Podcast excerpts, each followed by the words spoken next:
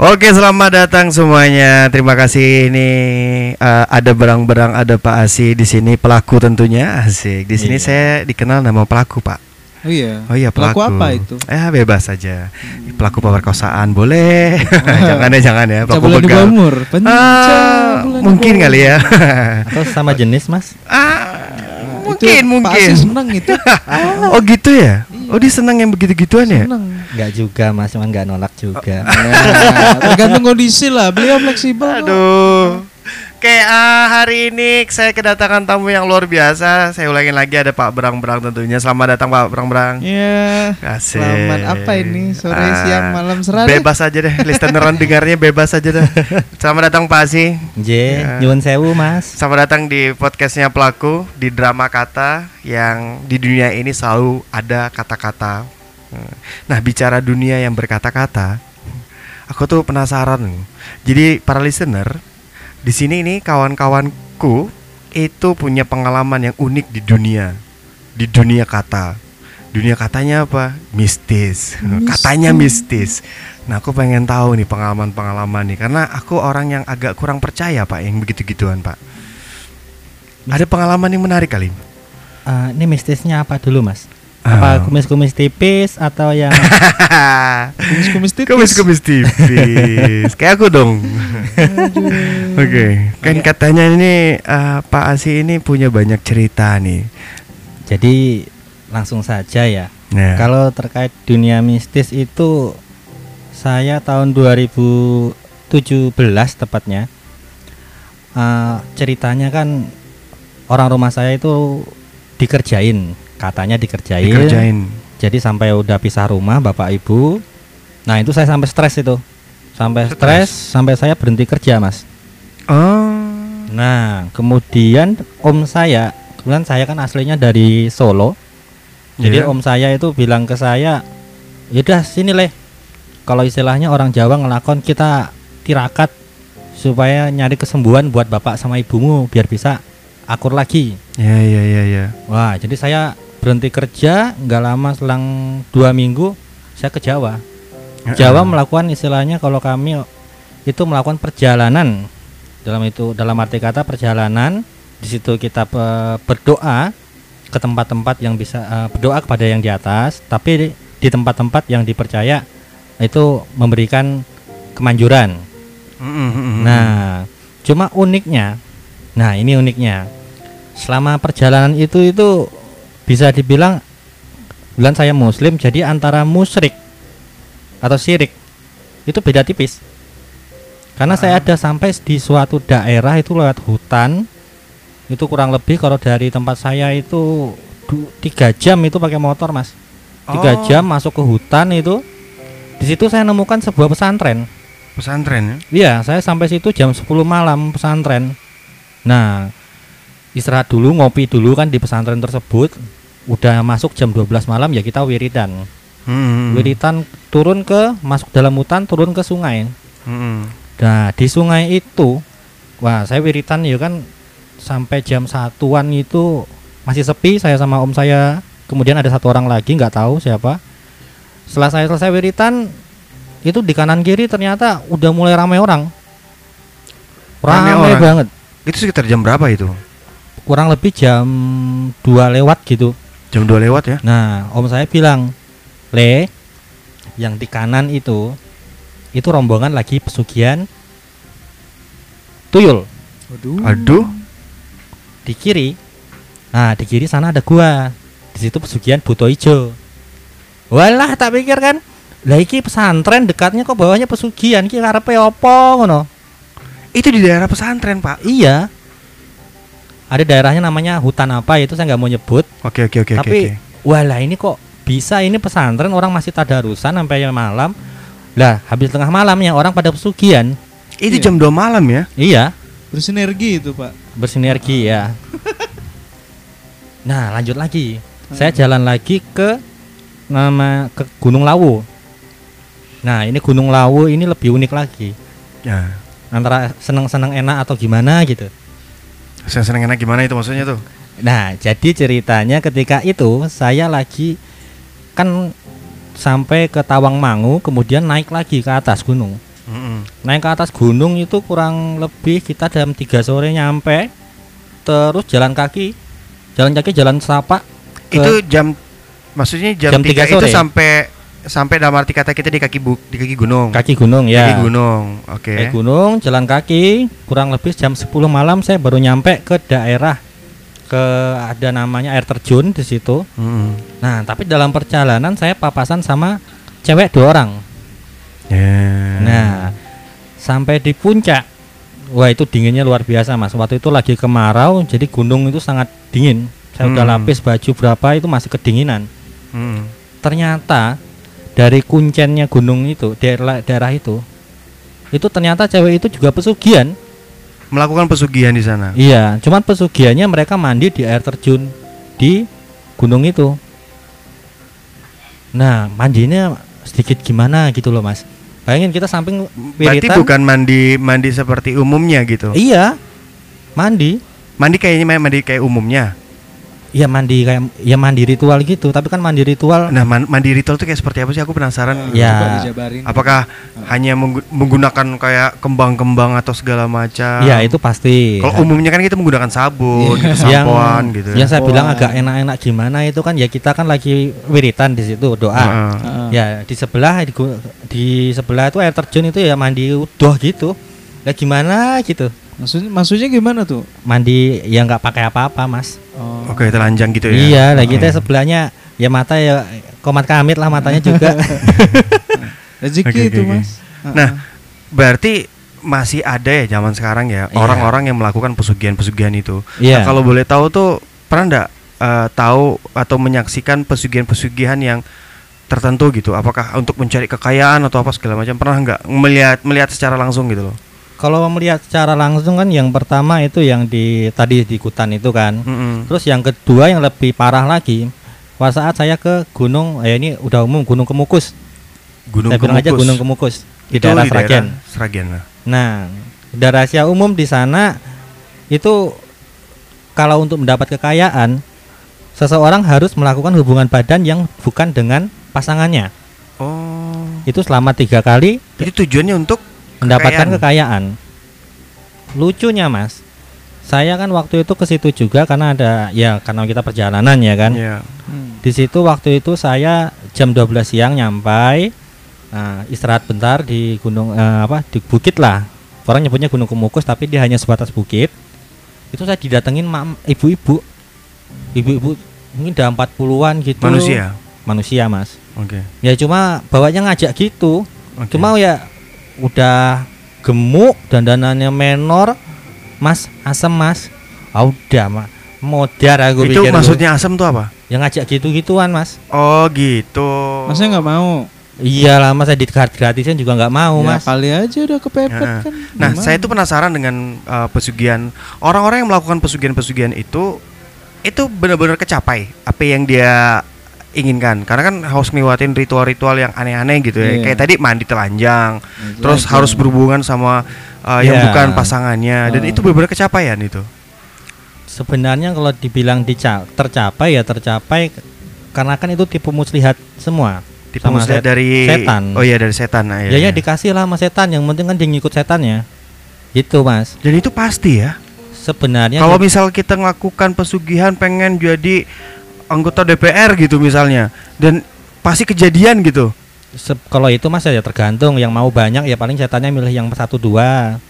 Oke. Setan juga punya pilihan mas. Karena banyak ya kalau dilihat dari TV-TV gitu ya, stasiun Iya. TV yang ada acara-acara kayak gitu-gitu, Iya, mistis-mistis. bisnis-bisnis gitu yang mengangkat eh, isu-isu pesugihan dan katanya ada yang sukses apa segala macam Iya. dan mereka nggak ini ya. Oke kalau kita bicara agama itu udah pasti salah. Ya. Bicara syariat agama itu udah pasti salah. Oh, banget. Salah. Agama apa pun itu mengatakan Iya. itu salah. Tapi kok bisa terwujud gitu loh? Ya. Apakah benar itu murni dari setan? Kalau dibilang kan gini mas. Jadi seperti tindak kejahatan kan orang pengen cari jalan pintas. Oke ya. ah. Dan ketika orang itu mendapat oh percaya bisa gini, ya dia jalani. Ketika di, secara nggak langsung kan dari setannya ngasih ya merasa itu anu temennya tahu ngikut sama Hmm. kurang lebih. Tapi kan hanya sekedar sementara. Mm, mm, mm. Dan kemudian kan itu namanya ya itu kan cobaan juga kan Mm, bagi manusia kan. mm. Sekarang ya kita mau kaya secara normal tapi susah-susah atau mau instan. Oke oke oke. Nah kalau pengalaman dari Om Brang-Brang sendiri gimana nih? Pernah mengalami hal-hal mistis atau ya tadi melihat pesugihan-pesugihan tadi kan kalau Om Masih Iya. itu kan eh, melihat secara langsung kejadian orang melakukan eh, ritual ya? Iya, ritual ritual. pesugihan. Nah kalau misalnya Om Brang-Brang sendiri gimana? Aku sih kalau ritual jarang ya lihat ya, tapi kalau kayak penampakan sering kalau kata eh, eh, anak-anak muda zaman sekarang itu anak indie home gitu. Anak eh, ya. indigo ya. Eh, plesetannya indie home ya. Iya, ya, indie ya. Indie homo, Mas, ya? Jadi sebenarnya te- teori anak indigo itu bukan bawaan dari lahir. Jadi Hmm. itu teorinya eh, ditempelin jin itu. Jadi Oh ditempelin jin. Iya. Berarti kemampuannya itu karena dorongan dari jin itu sendiri. Iya, jadi menggunakan eh, apa mata dari jin itu. Medianya jin ya. Iya, masuk ke badan kita, cuma tidak seperti kerasukan, tapi kita bisa melihat alamnya mereka, gitu. Oke. Heeh. Jadi eh, aku sempat sih dulu kayak apa merasa dibisikin begitu. Jadi kalau kita berdialog dengan orang yang aku eh, ndak juga sih, bukan bukannya ndak suka atau gimana gitu kan? Iya. tapi ada ragu di di dalam diri nah itu kayak ada yang bisikin oh bohong nih oh meramput nih Itu Ah, gini, suaranya gini, suara gini." manusia. Manusia suara manusia tapi Persis aku nggak kenal itu siapa yang ngomong. Suaranya kayak sesama persis kayak manusia gitu iya maksudnya. iya bahasa manusia dan ba- ba- kadang kadang dia bahasa Indonesia kadang dia bahasa Inggris. Ah serius. serius? Jinnya bule Mas serius ya? aku sempat sempat mikir kalau aku waktu itu eh, ja- eh, skizo enggak ternyata enggak. Itu itu memang memang eh, dari apa jin memang yang ganggu gitu. Jadi begitu kita berdialog dengan siapa gitu Hmm. nah se- sedang mendengarkan lah argumennya si lawan bicara ini kan Ya. dia dia langsung otomatis membantah ah bohong ini ini ini ini ini ini, ini. panjang banyak alasannya yang dibilang wah ini ini, ini gini gini nah aku tuh kadang dulu gitu itu tahun berapa ya mungkin 2016 Berarti 16, Om Berang-Berang 17. emang pernah menyaksikan eh, wujud hantu itu sendiri. sering Nah, kalau boleh tahu nih, itu wujudnya kayak gimana sih? Apakah dia wujud seperti manusia kayak gini, padat Uh-uh. kelihatan, Uh-uh. atau yang kayak gimana sih? Karena jadi Ah. itu kan kalau jin itu kan dia eh, sebenarnya itu bukan wujud aslinya jadi mungkin dia mengambil eh, referensi ya Oke. referensi dari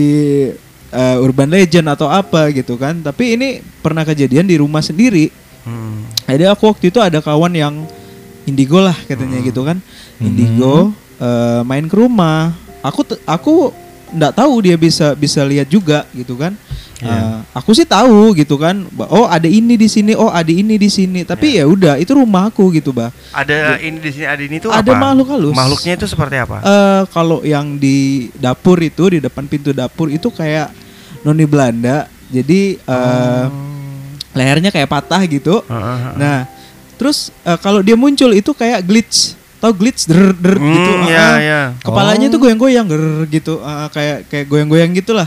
Tinggi. Jadi tingginya tuh mungkin eh hampir 2 meter lah. Oh, Ah, ah. lumayan. itu Jadi bajunya banget. baju pakai pakaian Belanda, rambutnya blond. Mm-mm. Ah, ah, itu kalau dia muncul keluar itu ya pokoknya serem lah. Dan Nah. itu Om Brang-Brang menyaksikan, pernah menyaksikan. Menyaksikan. Secara aku, langsung. aku lihat sendiri gitu kan. Dan Jadi- apa sih wujudnya? Dia transparan atau kayak manusia Eh, itu sendiri? kalau kita di desain itu dia mungkin opacity-nya sekitar 70%. Opacity-nya nggak 100%. Jadi opacity-nya 70%. Oh, berarti kayak transparan-transparan hampir gitu lah ya. transparan. Hampir transparan. Jadi eh, itu ada kawanku kan waktu itu jam jadi dulu kan rumah sering sepi, Mm-mm. ya, ibu mungkin lagi ke mana, bapak ke mana atau biasa liburan dulu kan sering liburan, sering jalan-jalan orang tua kan. Jadi kita ajak teman ke rumah, main gitar, bikin-bikin gambar atau apa. Terus si temenku nih namanya Rian, Nah, Hmm. dia eh, videografer sih, videografer. Jadi dia datang ke rumah, habis itu eh, kok lihat-lihat kiri terus. Kan aku duduknya di ruang makan nih. Iya. Kalau lihat ke kiri itu kan langsung masuk ke dapur. Heeh. Uh, uh, ada pintu besar memang itu pintunya kita beli bekas jadi bekas Hmm. rumah besar ya nggak tahu dari mana bapak juga yang beli itu bahannya kayu belian Mm-mm. kayu besi kalau kata orang ulin Uh, nah itu memang mitosnya kalau ada belian ada ulin itu ada yang jaga katanya Oh. nah gitu juga nggak tahu sih waktu itu kan nah dia ini kenapa? Lihat-lihat ke kiri terus habis itu dia diam. Ngapa bilang gitu. Yan bilang itu ada lihat nggak? Dia bilang gitu kan. Ada lihat nggak? Oh itu eh, apa?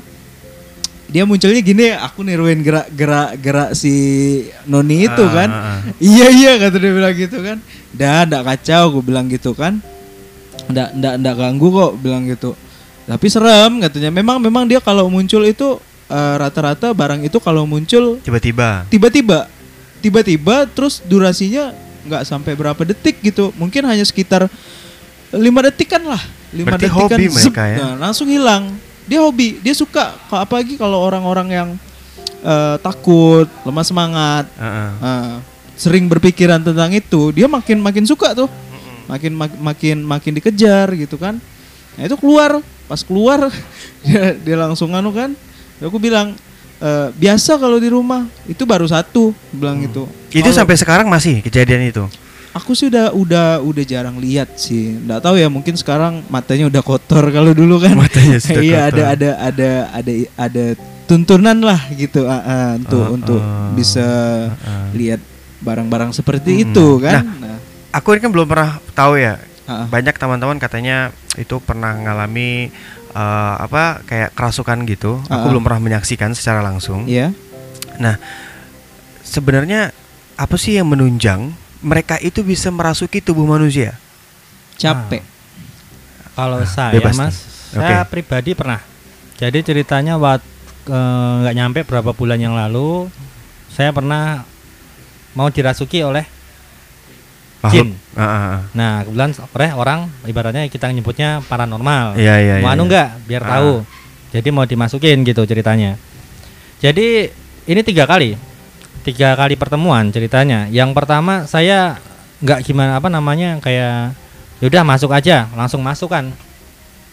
Jadi entah itu jinnya ngomongnya udah ngalur ngidul segala macamnya kan. Dan di situ Mas Asi eh, Sadar, sadar, iya saya sadar, sadar. lagi dirasuki. sadar apa yang dilakukannya apa yang diomongkannya sadar saya dan kemudian yang kedua kali itu ketika paranormal itu mau ibaratnya dia mau masukin makhluk halus itu jadi kondisi eh, perasaan kita ketika makhluk halus itu mau masuk ke badan kita itu kayak kita ini berat mau ditimpa barang gitu Oh itu perasaan yang dirasakan iya hari kita itu ya? barang pelan-pelan kemudian kita kehilangan kontrol sama badan kita Oke. Nah, Yang kedua, saya wirid.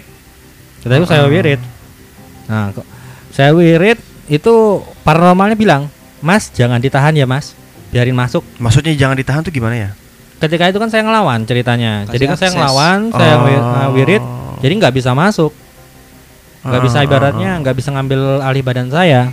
Ah. Nah, cuman karena itu apa ya saya nggak enak ya kan. Ah. Udahlah biarin masuk. Leng masuk. Saat waktu dirasuki kita nggak nggak bisa ngelakuin apa apa nih. Nggak bisa, kita Nggak bisa apa-apa. kontrol. Tapi kita bisa merasakan apa yang diomongan sama dia. Untuk kasus saya ya, Oh gitu. saya bisa tahu apa yang dilakukan dia, Heeh. apa yang diomongkan dia, saya ingat semua. Karena banyak ya eh, ada yang bilang kalau waktu kerasukan dia tidak ingat apa-apa. Jadi waktu sadarnya tuh eh tadi aku kenapa? Tadi aku kenapa? Iya. Ada yang ngomong kayak gitu tuh gitu. Iya. Ada mungkin beberapa kasus. Ada. Heeh. mayoritas sih aku rasa kayak begitu ya jadi jadi kalau kerasukan itu kan kayak kita dihack gitu Iya. Ah, Oke, jadi ada oke. complete take over ada yang ada yang kayak Mas Asi ini dia mungkin kesadarannya masih gitu kan tapi Mm. eh, untuk eh, motoriknya udah dikendalikan sama si jin itu sendiri Oke. Iya. Dia masuknya gimana sih? Apakah dia kayak eh, apa ya? Kalau aku ingat nonton film vampir zaman dulu, Hmm. itu kalau kemasukannya tuh dia itu nempel di badan kita di belakang kita. iya Nempel dan dia menggerakkan eh, badan kita. Mm. Kalau vampir-vampir tahun-tahun 90-an ya, kalau Iya, misalnya iya. teman-teman pernah Vampir nonton tuh ya. Nah, kalau yang ini saya pengen tahu gitu, apakah dia masuk ke dalam bener-bener dalam tubuh kita atau dia cuma nempel doang dia? Dalam tubuh Mas. Soalnya kan ini kalau misal dari sudut pandang Islam, semua ulama sepakat bahwa jin itu bisa masuk ke pembuluh darah manusia. Oh. Nah, Iya. Seperti itu. Nah, yang ketiga kali kan ceritanya yang pertemuan ketiga udah saya nggak putus wiritannya, nggak bisa masuk. Mm-mm. Tapi ke ke- kesimpulan yang saya ambil dari tiga kali itu, yang pertama pokok jangan pernah mau dirasuki. Dia pasti ibaratnya menco eh, terasa pada saat dia mau mengambil alih badan kita, Mm-mm. berat, sesak, dan setelah dia masuk, efek sampingnya kita nggak tahu kan dia mau ngapain. Iya. Nah yang pas kasus saya itu saya udah lemes sekali nggak bisa ngapa-ngapa. Mau ngambil rokok aja udah nggak mampu. Sekarang masih masih apa melakukan aktivitas itu. Nggak. Jadi kemarin kan ceritanya iseng-iseng. Oke. Kemudian eh, kesimpulan saya kedua itu tergantung kitanya. Kita mau ngasih barang itu masuk atau enggak. Oke. Karena kan kalau saya mungkin dari tiga kali udah oh saya bisa nerka. Oh gini loh rupanya dia mau masuknya kayak gini. Nah Mm-mm. itu sekarang kita mau ngasih nggak aksesnya.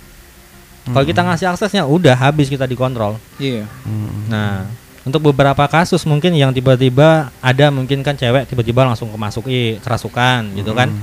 Nah, itu tak mungkin yang bersangkutan itu udah nggak nggak ngelawan. Pasrah, udah kalau udah pasrah udah habis. Makanya kadang sampai luka-luka atau gimana gitu kan. Mm. Entah apa yang dilakuin makhluk halus itu kan. Mm. Iya. Mm. Pokoknya intinya jangan biarin badan kita idle. Maksudnya Ngerti gimana tuh? Kayak ngelamun, nggak nggak ngapa-ngapain. Oh, itu juga pengaruh ya? gitu. Kalau Iya, kita itu pengaruh ngelamun, juga. capek. Kalau stres Heeh. itu juga bisa Iya, pengaruh ya. Bisa pengaruh. Jadi rata-rata orang yang sering kemasukan itu yang sering melamun. Ah, saya itu salah satu pelaku loh, Pak. Melamun Kebetulan itu- nama saya pelaku, tapi saya Heeh. juga pelaku yang kalau saya stres ya saya diem dan ya baik-baik saja sementara diam ini. diam itu memikirkan sesuatu atau Ya, apa? memikirkan sesuatu memikirkan pastinya. sesuatu Enggak, masih itu masih enggak. mungkin saya rasa masih masih ada apa proteksi lah Mm-mm. kalau itu benar-benar kosong Berarti jangan pernah membiarkan diri kita tuh dalam keadaan kosong uh, Kosong. tidak tidak melakukan apa-apa gitu Iya. atau idle lah Oke, oke, oke. Oke, ini keren nih, ini keren, keren, keren nih. Berarti dapat kesimpulan yang luar biasa para para listener bahwa untuk bisa kita dijauhi dari hal-hal yang seperti itu ya jangan pernah meninggalkan fokus dalam diri kita gitu. Iya. Itu ya mungkin ya. Iya. Yang kedua eh, mungkin beribadahlah kita dengan baik agar kita dijauhi dengan hal-hal yang buruk. Mungkin seperti itu. Oke, thank you. Terima kasih banyak Om Berang-berang dan terima kasih banyak Om Masih yang sewu, Mas. mau datang di room ini. Oke, sobat-sobat, terima kasih juga untuk mendengar ini. Mudah-mudahan dapat mengambil hikmah dan sampai jumpa di podcast selanjutnya. Wassalam.